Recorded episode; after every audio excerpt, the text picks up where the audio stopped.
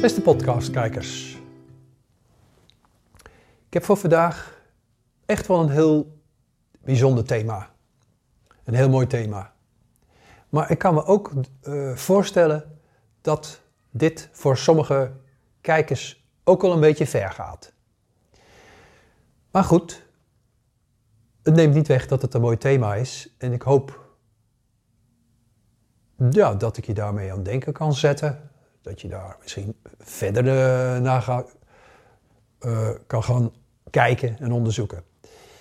Het thema is Akasha-chronieken. En het gaat ook een heel klein beetje over je levensfilm.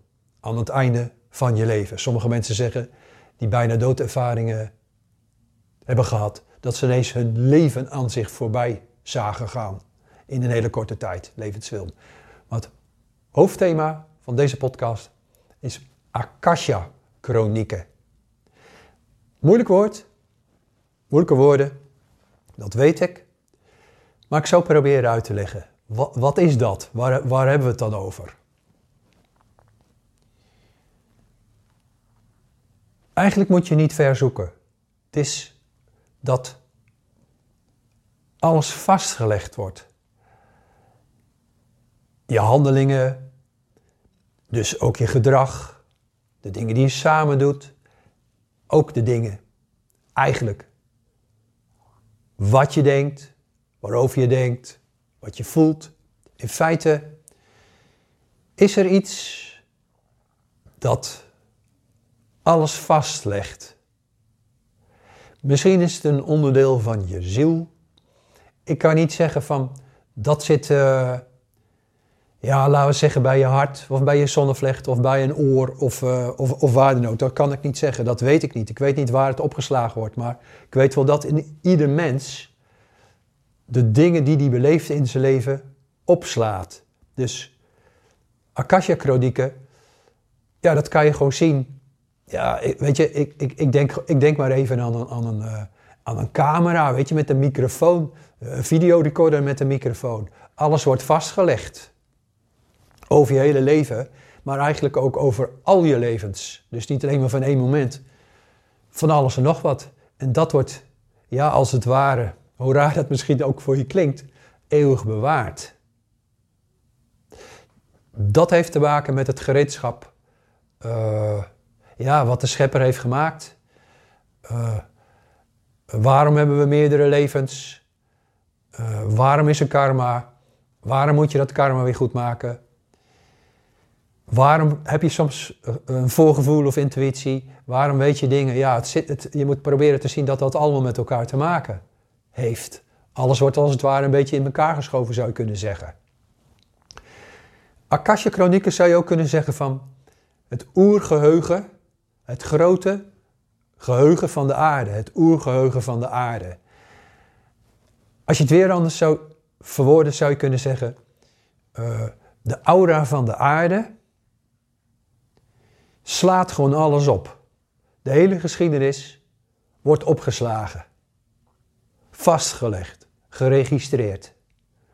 Nou, dan maak ik even weer die zijstap naar een levensfilm. Sommige mensen die een hartstilstand hebben gehad, bijna dood waren, of naar een zwaar, sorry, een zwaar auto-ongeluk, zien hun leven ineens in een flits terug. Daaraan zie je al dat er heel veel opgeslagen is. En dan kunnen de, de meer kritische mensen zeggen van, ja, oké, oké, kan ik ergens nog wel geloven, maar dat doen je hersenen. Je hersenen slaan het op. Ja, waar je dat opslaat, uh, dat doet er mij nog niet zo toe. Maar als jij dus zeg maar vijf meter door een, door een zwaar ongeluk uit je lichaam bent ge, geslingerd. En stel voor je ziet in uitgetreden toestand met jouw geest als het ware die levensfilm ergens. Dan zit je niet meer in je lichaam, dus dan zal het ook niet uit je stoffelijk lichaam komen. Maar dat wil ik eventjes nu, te, ik wou dat even, even zeggen, maar dan moeten we terzijde, even terzijde schuiven. Mij draait het om de Akasha-chronieken het geheugen, het oergeheugen van de persoonlijke mens, maar ook van de aarde op zich. Alles wordt vastgelegd. Het is goed om daar eens rustig over na te denken. Wanneer je aan genocide bent, later wanneer we allemaal overleden zijn, kan je ook dingen over je leven, eh, je afgelopen leven, je laatste leven of levens daarvoor, kan je ook terugzien. Vaak word je daarmee geholpen dat dan ja, een, een persoon uh, met een iets verdere ontwikkeling dan wij, dan ik, dan jij, begeleid je daarmee. Die, die laat je dingen zien over je leven van ja, wat je goed hebt gedaan, wat je misschien anders had kunnen doen of misschien helemaal niet goed hebt gedaan. Maar goed, oké, daar gaat het ook weer niet over. Je krijgt gewoon dingen te zien, te beleven, te bekijken. Dus alles wordt opgeslagen. Ook niet natuurlijk alleen maar de dingen die je wel, of, uh, die je wel hebt gedaan of gedacht, maar ook de dingen wat je eigenlijk wel had moeten doen, wat beter was geweest dat je wel had aangepakt, maar dat je het, dat je het uh, afgehouden hebt. Dat is natuurlijk ook een vorm van een daad, van een houding en, uh, ja, noem het maar gedrag. Alles wordt opgeslagen, bij ieder mens. Uh, dat heeft te maken met de evolutie van de mens. Dat hoort er gewoon bij. Ik hoop dat je daar eens rustig over nadenkt. Want ja, ik vind het toch eigenlijk wel heel erg bijzonder dat dat allemaal zo in elkaar steekt.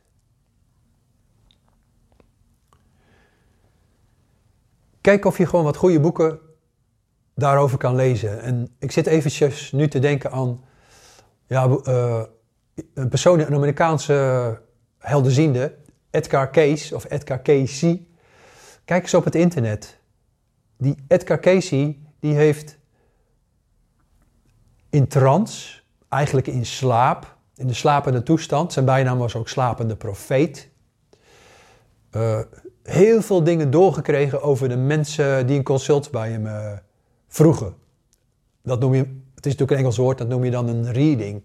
En er werden veel verbanden gelegd van waarom ben je dan bepaalde personen, waarom kom je bepaalde personen tegen en wat heb je in andere levens mee gedaan. Dus Edgar Casey, zijn begeleiders, hadden kennelijk, konden verbinding maken met het oergeheugen uh, van de mens, van de, van de individuen, maar ook van de aarde. Het is echt interessant om je daarin te verdiepen, maar ik moet er wel bij zeggen, dat is niet even zomaar een eh, sportblaadje lezen of een libel. Dat is op zich ook wel een flinke studie. Maar een van mijn wensen en doelen is van deze podcast en ook mijn eigen boeken...